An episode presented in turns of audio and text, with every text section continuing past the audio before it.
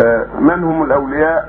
نريد شرح مفصل لأن في بعض البلاد المجاورة آه، يجب عليك أن تأخذ طريقة من الشيخ حتى يكون واسطه بينك وبين الله. هذا الحد قولهم الأولياء هم هم أهل الإيمان. وأنت منهم إذا كنت مؤمنا أنت منهم. أولياء الله هم أهل الإيمان والتقوى. قال تعالى ألا إن أولياء الله لا عليهم ولا هم يحزنون. الذين آمنوا وكانوا يتقون. سبحانه وما كانوا أولياء إن أولياء إلا المتقون. فأولياء الله هم أهل الإيمان والتقوى. الذين وحدوا الله واستقاموا على دينه فاتوا الفرائض وتركوا مناهيه هم أولياء الله. وهم أهل الإيمان وهم أهل التقوى. وما تقع منهم معصية. ثم يتوبون فيتم إيمانهم. قد يقع من الولي المعصية هو المؤمن ثم ينتبه فيتوب فيتوب الله عليه.